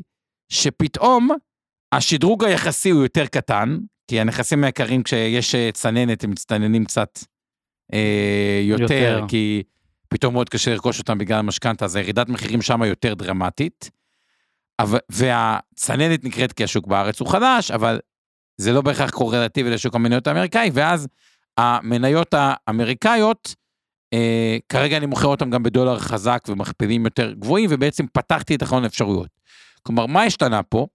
אם בהתחלה אנחנו צריכים נכס בארץ, כי זה ההצמדה שלנו, ומניות ישראל, או מניות ישראליות כדי להצמיד את עצמנו, כשיש נכס בארץ, דווקא יש היגיון בלפזר, בלגוון. בלפזר בחו"ל, כן. ואז יכול להיות שיהיה איזה מצב ספציפי שזה מה שנותן לנו את היכולת, אפשר גם וגם, זה עניין של מכפילים, עניין של תמחורים. אז כן, וגם ככה כבר עשית את העסקה הגדולה, רוב כן. הכסף שלך מושקע פה. רוב הכסף שלך מושקע בארץ, וזה טוב אופי, תמיד. אה, אז זה טוב תמיד, עדיין אה, אפשר להגיד היום, רגע, מכפילים פה מאוד זולים, בארה"ב כבר עלה, אז אולי והיום זה לא תקף, אפשר להתווכח על זה, מה עדיף, שוק אמריקאי ב-20 או שוק ישראלי ב-10 מכפילים, אבל כגישה, כקונספט. כן.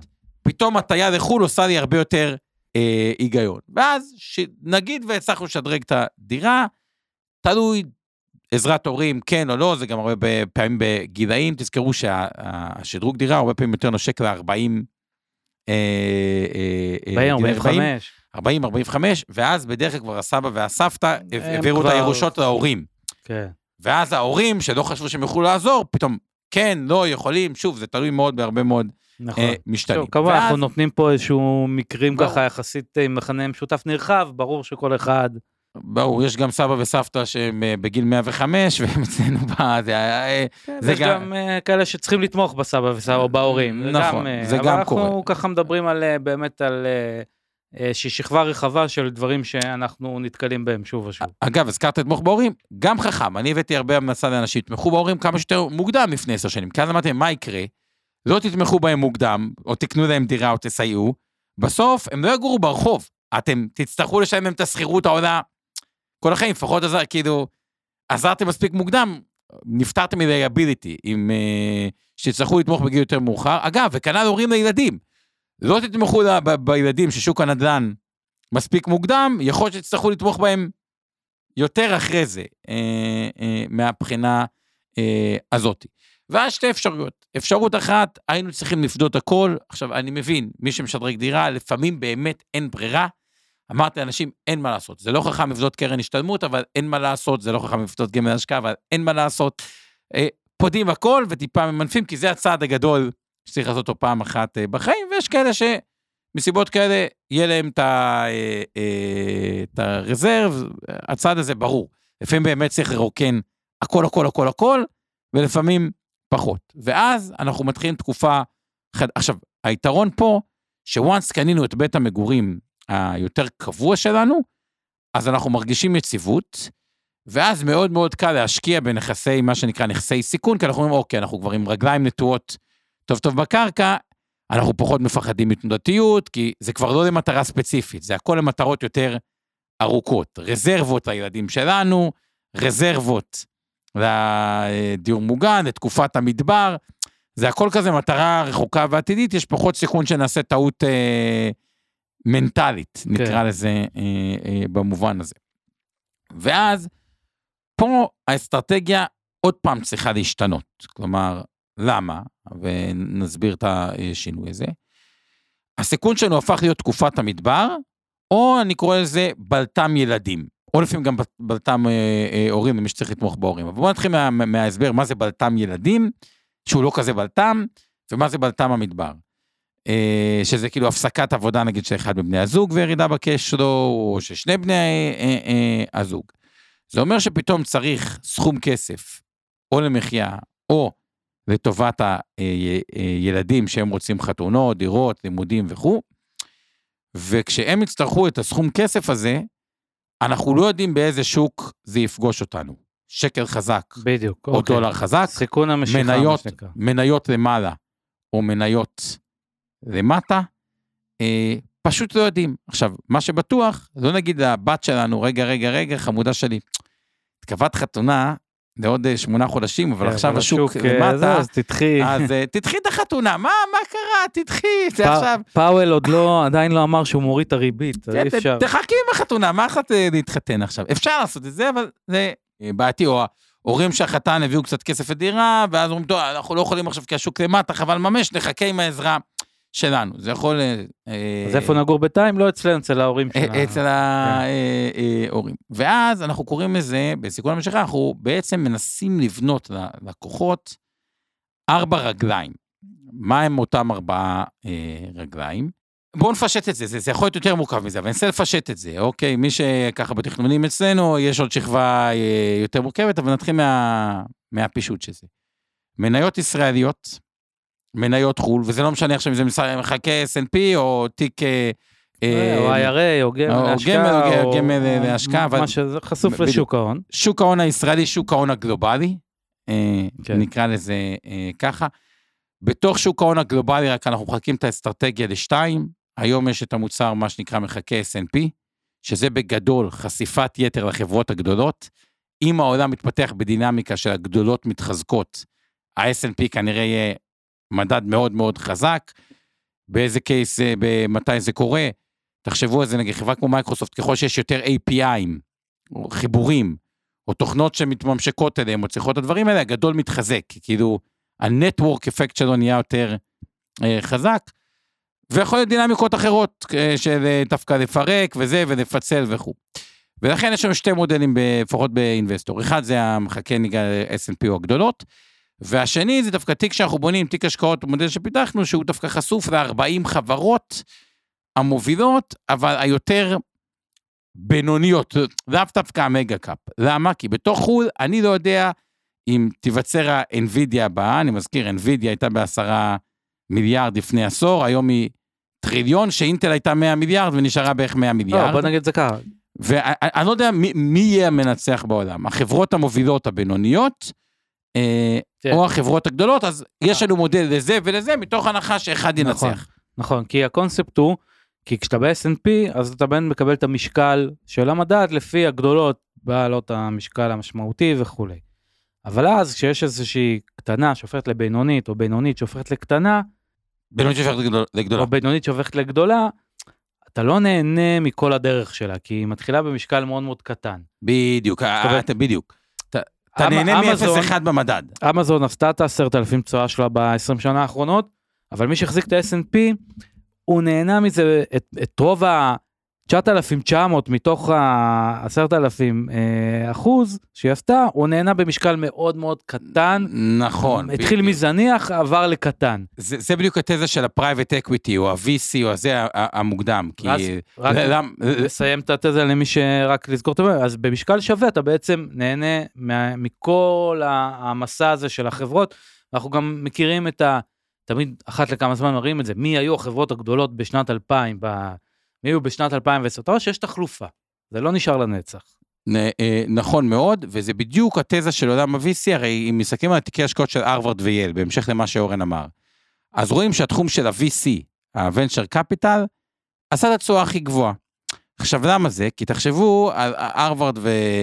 אה, וייל שהם השקיעו גם בחברות סטארט-אפים, שגוגל הייתה קטנה, שפייסבוק הייתה קטנה, שאמזון הייתה קטנה, כמה creation value, כלומר, יש בהתחלה, כאילו זה המקום היחידי שאפשר לעשות 10x, 15x, מה שהיום יותר קשה לאפל להגיע משלושה טריליון ל-30 טריליון, כן. כן, גם לשש, כן. אפילו לארבע וחצי, זה, זה בלתי נתפס. אז הרעיון, איפה שאנחנו עושים את זה באינבסטור, בתיק מניות הישראלי, תיק אחד, בתיק מניות הגלובלי מחלקים את זה כביכול ל-S&P, שזה הגדולות, ועוד מודל שפיתחנו שהוא נותן את החשיפה ל- אוקיי. לקטנות, אז, אז זה רגל אחת, אבל בגדול, אם אני רוצה עוד יותר לפשט את זה, חו"ל ישראל, כי זה איפה שוק המניות חזק.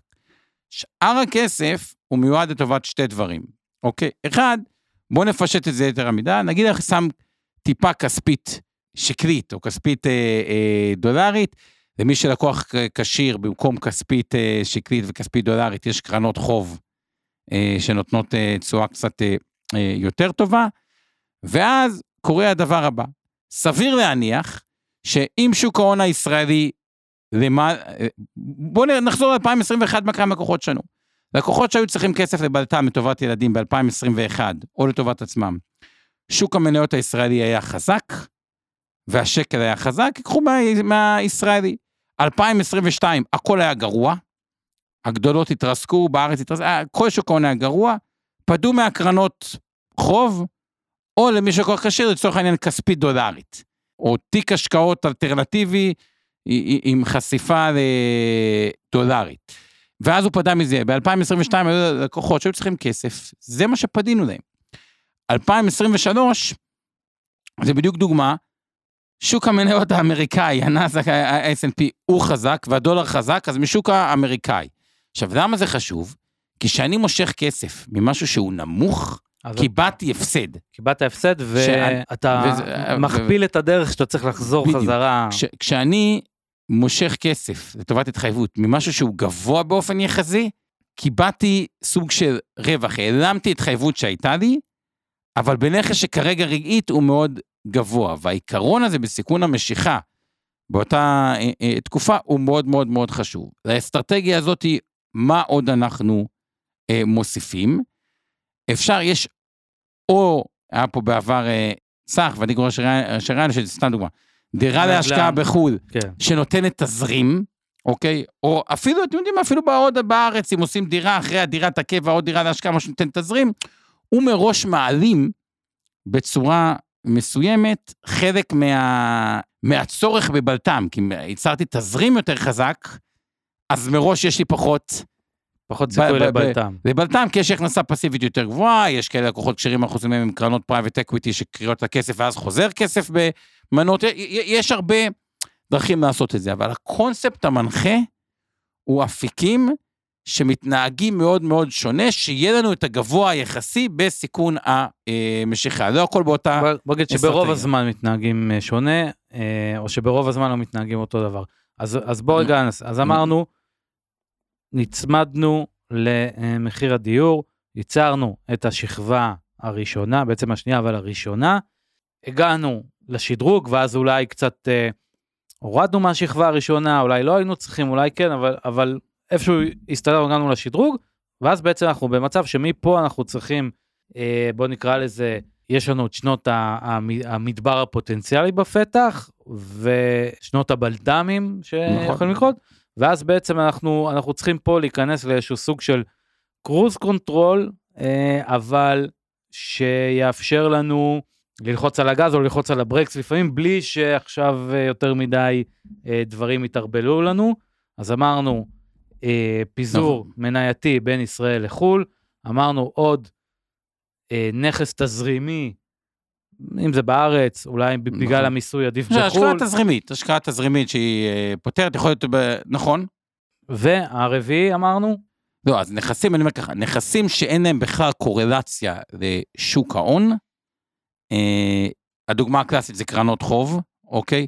אגב, היום גם מנגישים את העולם הזה של הגופים הבינלאומיים, אגב, גם אצלנו אה, בניהול תיקים, אפשר גם בניהול תיקים לקרנות חוב בינלאומיות מובילות, או למי שכשיר זה אפילו יותר קל, אבל זה פתוח, זה פתוח היום לכולם, שזה נכסים שבמהות שלהם הם יחסית נזילים, זה נקרא סמי ליקוויד, אה, כי בזמנים קשים ראיתם גם מה קרה לטריה, שפתאום הנזילות אה, נעלמה, אבל נכסים שבמהות שלהם אין להם קורלציה לשוק ההון, ועל זה אפשר להוסיף אינסוף יצירתיות. תחשבו סתם על בן אדם שקנה בטיפה כסף ביטקוין, שזה היה שווה אלף דולר, ופתאום היה פיק ל-30, ובדיוק היה בלטם, הופ, הוציא את הדבר הזה, היה לו כסף. הרעיון הוא מגוון מאוד מאוד רחב, כל הזמן לגוון למגוון מאוד רחב, שנכסים שכשאם יהיה בלטם יהיה משהו שהוא גבוה יפה. יחסי ובוא עם זה נמשיך הלאה עוד. אז פה אבל... אני רוצה אבל רק לתת איזושהי הערה קטנה כי, כי הזכרת מקודם ככה שוב לא לא כביקורת אלא כעוד חומר למחשבה הזכרת מקודם שכותבים בכל מיני מקומות ופורומים ועושים את הדיונים האלה ומה עדיף ומה וכולי ואני תן לי כל החיים אני אה, אעשה אקסל ואני אראה איך זה בא לידי ביטוי בעוד 40 שנה ואיפה הדמי ניהול וכולי. וזה הכל נכון והכל טוב והכל יפה אבל אבל זאת התיאוריה. בפרקטיקה, בחיים קורים דברים. וכשאתה בן 30, רווק, ללא ילדים, אתה לא באמת יודע אה, איך ייראו החיים שלך ומה תצטרך כשתהיה בן 50, או 55, או 60, או אפילו 15 שנה אחרי זה עם שני אה, אה, ילדים קטנים, או אתה לא יודע מה החיים מזמנים לך, ולכן מה שאתה כן יודע זה ש... סיכוי טוב שיהיו מצבים בהם תצטרך לעשות או חישוב מסלול מחדש, או אה, לשנות איזשהו תמהיל, או איזשהו בלטם שיכריח אותך למכור. אה, למכור פה, למכור שם. אז הדבר הוודאי, תמיד אני, כשנכנסים לוויכוחים האלה, אני אומר, הדבר הוודאי היחידי, זה לא, לא בהכרח הדמי ניהול ולא בהכרח מה האקסל מראה, אלא הדבר הוודאי היחידי שבן אדם יכול אה, לבנות עליו, זה אה, הגמישות שהוא מייצר לעצמו לבצע שינויים, אם בוא נגיד שמחיר, נקרא לזה הטעות, או מחיר השינוי הוא מינימלי או לא קיים במקרים מסוימים. נכון. אוקיי, ו- וזאת הוודאות ה- היחידה שבאמת אפשר להכניס לכל התמהיל הזה של אה, תוכנית השקעות ארוכת טווח. כי שוב, האקסל יכול להראות לך נפלאות, ו... נפלאות. ואם אין בלת"מים, אז באמת יצטבר הרבה כסף, אבל כן. מהניסיון שלי איכשהו יש בלת"מים. איכשהו יש אה, בלתיים ואיכשהו בגיל 30 אתה, אתה מכיר רק מקרה אחד. המקרה של עצמך בגיל 30. נכון. אתה לא מכיר שום מקרה אחר. לא של אחרים ולא של עצמך בגיל 40 או 50 או 60.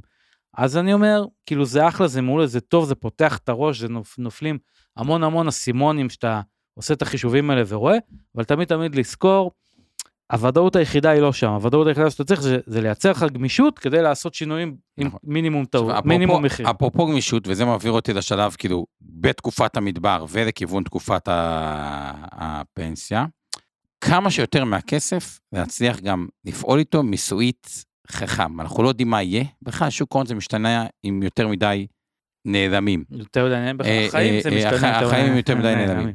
עכשיו, ככל שאם לאחד מבני הזוג יש אה, עוסק פטור או עוסק מורשה, אז קרן השתלמות מעבר לתקרה IRA יכול להיות פתרון אה, נהדר. ככל ולמישהו אה, יהיה פנסיה, אוקיי, של מעל 5,000 שקלים ומתקרבים לגיל 60, תיקון 190, יכול להיות פתרון אה, נהדר גם בשביל IRA שמאפשר את הגמישות, או לא IRA אגב, לא חייב להיות, גם, גם קרן השתלמות מעבר לתקרה לא חייבת להיות אה, אה, IRA. אבל להכניס גם את נושא אה, אה, המיסוי לתמונה, ואז בעצם אנחנו נהפכים, שחושבים על זה, ככל שאנחנו מגיעים לפרישה, למי ששומע את זה, לנהל את הכסף גם בצורת ההתחייבות, גם בצורה שבה יש את ההתחייבויות עבור הבלת"מים של הילדים שלנו. כאילו, אם הם לא קנו דירה, ואין לנו בכלל חשיפה למניות בארץ והמחירים יעלו, הופ, יש פה בעיה משפחתית. עכשיו, הנקודה היא שרק אני רוצה רגע את נושא הרגש. כי יש כאלה שעכשיו יותר אה, מאמינים במדינה, ויש כאלה גם כותבים אה, שישראל אה, תהפוך למה שתהפוך. אגב, כל האפשרויות יכולות לקרות. אני רק אומר, למה אני אומר את זה יותר מדי משתנים ויותר מדי פרמטרים? פרמטר כמו שמדינת ישראל מצאה אה, גז, זה פוקס, אבל זה קרה. עובדה, ואז זה חיזק את השקל. פרמטר כמו שכמה מהסטארט-אפים שכבר קמו יהפכו לחברות ענק בינלאומיות ויצטרכו את כל אנשי ההייטק, לא יודע, תראו חברה כמו מאנדיי כזאת, אם היא פתאום הופכת להיות, לא יודע מה, אה, דיברנו בחברות בינוניות שהופכות כן. לחברות קטנות, היא אולי, עכשיו, יכול להיות שזה יקרה, יכול להיות שזה לא יקרה, אבל מספיק חמש חברות שנהפכות לחברות ענק מהבינוניות היום, וגם אם יהיה פחות ביקושים, על עצם, פחות סטארט-אפים חדשים, על העצם הקיים, הוא, הוא יכול לספוג הרבה מאוד, ויכול להיות שלא, ובאמת ישראל תלך אחורה. אבל אני אומר, זה משוואה עם יותר מדי נעלמים. זה כמו שנוקיה הייתה חברת ענק שסיפקה מלא מקומות עבודה ב... אה, נו, נוקיה זה נורבגים. לא הם שוודים. שוודים, שוודים, ואז היא קרסה, אז כאילו הכלכלה השוודית נפגעה, אבל היא יכלה גם להיות מאוד משגשגת. כלומר, זה באמת, תחשבו על זה, משהו עם יותר מדי אה, אה, משתנים, וקשה לדעת מה יהיה טוב. מה שבטוח שיהיה לנו בלת"מים, ובלת"מים אנחנו צריכים את הגבוה היחסי שלנו. אז זה העיקרון, ואז זה כבר מגיע לשלב הבא. ככל שהתקרבנו לגיל 55 ו-60, יש לנו אחריות שהיא מאוד מאוד לא נעימה, אוקיי? השיחה, נוקיה פינלנד תקנו אותי גם. השיחה על ניהול כספי הורים ומניעת בעיות אה, להורים, ייפוי כוח מתמשך, אגב, גם על זה באחד מימי ראשון ב Investor Live היה לנו פודקאסט, אה, ושהצוואה שלהם תהיה כמו שצריך, ובכלל שהכסף שלהם ינוהל כמו שצריך, פיני. זה, זה, זה אה, מאוד מאוד לא נעים הרבה פעמים, כי אומרים, רגע, מה, אתם כאילו, זה מין תחושה כזו, מה, אתם בונים כבר על הירושה שאתם רוצים למקסם את, ה- את הירושה וכו'. הנקודה היא שהרבה פעמים גם במדינת ישראל אומרים, ירושה קופצת דור, כאילו, הכסף של הסבא והסבתא אמור לשמש את הנכדים, וגם את הבלטם של הסבא והסבתא, הם, הם יכולים גם להגיע לגיל 100. בוא'נה, הבן אדם הזה בן 75 יכול לחיות עוד 25 שנה. תחשבו. כמה כסף זה חודש, תכפילו את זה בשנים, יש גם אינפלציה וכו'. ופה נהיה הדאגה של אחד הילדים, אני לא יודע מי היה, אבל מי שמאזין פה הוא כנראה עם אוריינות פיננסית יותר גבוהה מהממוצע. אבל אחד האחים צריך לקחת את הנושא של הטיפול בכספי אה, הורים, וראיתי הזנחות קשות. אני ראיתי הורים שגם מגיעים עם 15 שנה, כסף נגיד בדולרים, אבל לא יש קו בפיקדון, כולל היום אגב. סתם, שמה? דולר. אה, לא, לא בפיקדון, דולרי, אנחנו דולר. מחזיקים. כן. דולר. או, או, או, או בעו"ש. ולא בפיקדון, או יורו, שנים. שנים, כן. ולא זה מ... בגלל כספי פיצויים, כספי זה. עכשיו, סבא וסבתא שלי הורישו לפני כמה שנים סכום מאוד גבוה של אה, כמה מאות אלפים ביורו, שפשוט החזיקו ומה, אותו. זה היה פיקדון? זה היה החזיקו זה? אותו, ב- החזיקו. החזיקו אותו באיזה ראש בבנק, כאילו, ב... לא עשו אותו והבנק כלום. לא, בדיוק. ו- ו- ולא פיקדון, ולא מדד, מנ- ולא כלום. כלום. ככה. והנופן... והנושא הזה, וסתם, ולאבא שלך לא היה נעים לדבר איתם על זה. כן, אימא שלי, אבל לא משנה. לאמא כן. שלך, אוקיי. את הזה, כי זה לא נעים, אבל- או שלא יודעים בכלל גם בדיוק או, מה או, או. גם לא אה, אה, יודעים ומסכימים, יש דרכים רגישות איך עושים את זה ואיך עושים את זה נכון וכו' וכו' וכו'. אה, אגב, חלק מהכוחות פשוט שולחים את הפודקאסט שלנו כן. להורים, אומרים, תקשיבו. שמענו וזה, תקשיבו, כאילו לפתוח את את הרעיון, אה, הנושא הזה. אה, אבל זאת עוד, עוד איזושהי אה, נקודה חשובה. וגם החינוך פיננסי של הילדים שלנו, בדיוק כמו שאורן עשה לבת שלו, זה לטעת את הזרעים של החינוך הפיננסי, ונראה לי נסיים עם סיפור שכבר סיפרתי אותו אה, כמה פעמים, ואז נעבור לסיכום אה, שלך, זה התחרות קוסמים. אתה מכיר את הסיפור הזה? שני קוסמים, יש את תחרות הקסמים הגדולה בעולם, אחד עושה קסם מאוד מאוד מרשים, ואז השני בא, לוקח קלף, לוקח 100 מטר, חץ וקשת או איזה זריקה, פשט, זורק אותו על עץ, ואז בא, מכסח את העץ, כאילו, מוריד את העץ, והופ, רואים אותו בתוך העץ. ואף אחד לא מבין איך כאילו, הוא עשה את איך. הוא עשה את זה, והוא כמובן זוכה בתחרות, וגם הקוסם השני נהיה אובססיבי, לא מבין איך הוא עשה את זה. והסוד בקסם שלפני 30 שנה, כשהעץ התחיל אה, לגדול, הוא שם שם עץ של קלף אה, אה, לב אה, אדום. זה בדיוק אותו דבר כמו הקופת גמל להשקעה שעשית לבת שלך בגיל אפס, כן. שזה שווה מיליון כאילו, שבע מאות, זה... ואחרי 67, זה, זה בעצם הקסם, אוקיי? אז, ה- ה- אז זה גם הטיפול כספי הורים, גם הזרעים לטובת הילדים, הנכדים והשיח הפיננסי, וזה הנושא של המעגל. אורן, לסיכום שלך. אוקיי, אז בוא, אז בוא נגיד ככה, אז, אז יש פה בעצם, אה, בוא נפרק את זה ככה, רק ניתן את ה highlights אה, בגדול. יש פה בעצם שלוש-ארבע תחנות עיקריות שדיברנו עליהן. אז אמרנו, הצעד הראשון, אה, או ההשקעה הגדולה הראשונה שעושים בחיים, הדילמה בין דירה ללא, אז אמרנו, דירה ראשונה, אם זה גם במקום, אם איפה שרוצים לגור זה קצת יקר מדי, אז גם במקום שלא גרים בו, אלא משכירים, אפילו, אפילו יש שיגידו שזה יותר טוב, אבל בכל מקרה, אנחנו בעצם מצמידים את עצמנו למחירי הדיור במדינת ישראל, או סוג של גידור מפני האפשרות ששוק אה, הנדל"ן יברח לנו, ואז כשכבר אה, נתחתן, או שכבר אה, נחליט איפה אנחנו רוצים לגדל את הילדים, ולקנות דירת מגורים אה, קבועה ל-10-15 שנה הקרובות, אז אולי אה, אם לא נעשה את הגידור הזה, אז השוק יברח לנו מדי, אז זה אחד.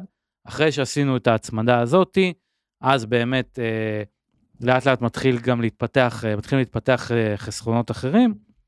דיברנו אה, אה, על גמל, על קרן השתלמות אולי שמתחילה כבר אה, אה, לצמוח, ואז, אה, ואז אחרי כמה שנים מגיע השלב שרוצים לעשות את השדרוג לדירת המגורים ה, אה, היותר, אה, או, בית החלומות יותר, נקרא לזה ככה, בדרך כלל דירת מגורים ראשונה היא ככה הצעד הראשון, ופה אה, העלית את הרעיון הלא אינטואיטיבי שעדיף לנו ששוק נדל"ן ירד, כדי נכון. לעשות את השדרוג הזה, כי הוא מקרב אלינו. כשהשוק יורד, דירת החלומות מתקרבת אלינו במחיר, נכון. ב- בטח אם גם השקענו בנכסים בחו"ל, כן. כלומר דולרים, תיק השקעות יותר אה, מוטה, נקרא לזה מטח ו- וחו"ל, דווקא אחרי שיש דירה וכבר יש כן. לך זמן. בין לבין גם כן, אם הצלחנו לדאוג לשכבה הראשונה שלנו בפנסיה על ידי גמל להשקעה ששמנו בגיל מוקדם ויכול לתפוח נכון. לסכומים יפים בפרישה ולקבל אותו כקצבה פטורה ללא מס, אז זה גם כן מהלך אה, חש... גדול וחשוב שאפשר לעשות. ככל שהוא יעשה בגיל יותר צעיר, ככה אה, יהיה יותר זול לעשות אותו. מי שעושה אותו נכון. כבר לילדים שלו, מספיק עשרת אלפים שקל בלידה, אתה מביא אותם קרוב לבין מיליון וחצי לשני מיליון שקל אקסטרה. אה, לפנסיה, במקום שהם. צריכים 300 הם בגיל 50, כן. נכון. אה, ואחרי שכבר אה, יש לנו את השכבה הראשונה, יש לנו את הנדל"ן למגורים, יש לנו כבר אולי את דירת המגורים הקבועה שלנו, לפחות עד שהילדים יגדלו ויעזבו אולי.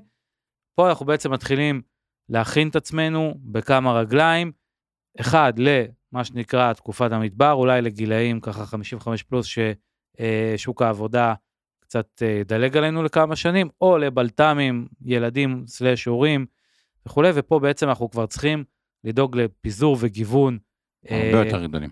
הרבה יותר גדולים, כדי שכשנגיע למצב בו נצטרך אה, למשוך כסף מאיפשהו, יהיו כמה אופציות ונבחר את הטובה ביותר למשיכה, שבדרך כלל נכון. יהיה אה, המ- גבוה האפיק, באופן יחסי. האפיק הגבוה יותר באופן יחסי, כדי לא לקבע הפסדים ולגרום נזק שיהיה הרבה יותר קשה אה, לכפר עליו.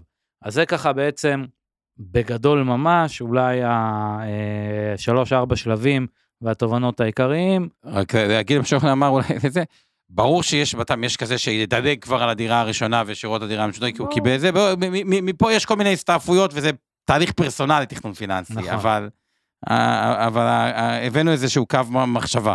אה, אוקיי, מעולה. טוב, אז חברים, תודה רבה לכולם, ונתראה ביום אה, אה, שלישי הבא, אה, ומי שיצטרף אלינו ב Investor... אה, אז זהו, אז קודם כל אנחנו מזמינים אתכם 360 כבר להצטרף אלינו ביום ראשון הקרוב, ב Investor 360 Live, ב-8 בערב, וגם כן, מי שלא נמצא אה, ב live, אז מוזמן אה, לחפש את זה ב Spotify, ב Apple Podcast, או איפה שאתם אה, מאזינים לפודקאסטים.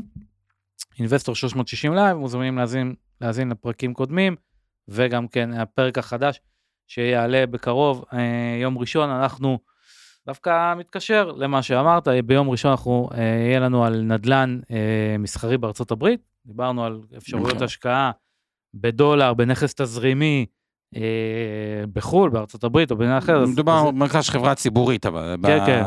אבל, האלה, נדבר על אבל- התחום כן. באופן כללי, נדבר על התחום של נדל"ן מסחרי בארצות הברית. אה, ופה שבוע הבא, אז אבנר יחזור, נכון? אה, נכון, חוזר אלינו מזה. אה, אורן היה תענוג לשדר איתך. אחלה, תודה, אה, שמחתי גם אה, לשנות קצת. אה, פה, פה אתם יותר מדברים, אמרו שאנחנו מקשיבים הרבה. בדיוק, אנחנו מראיינים. בדיוק, כן. צריך להקשיב הרבה ולתת לדבר, פה ככה יש יותר הזדמנות.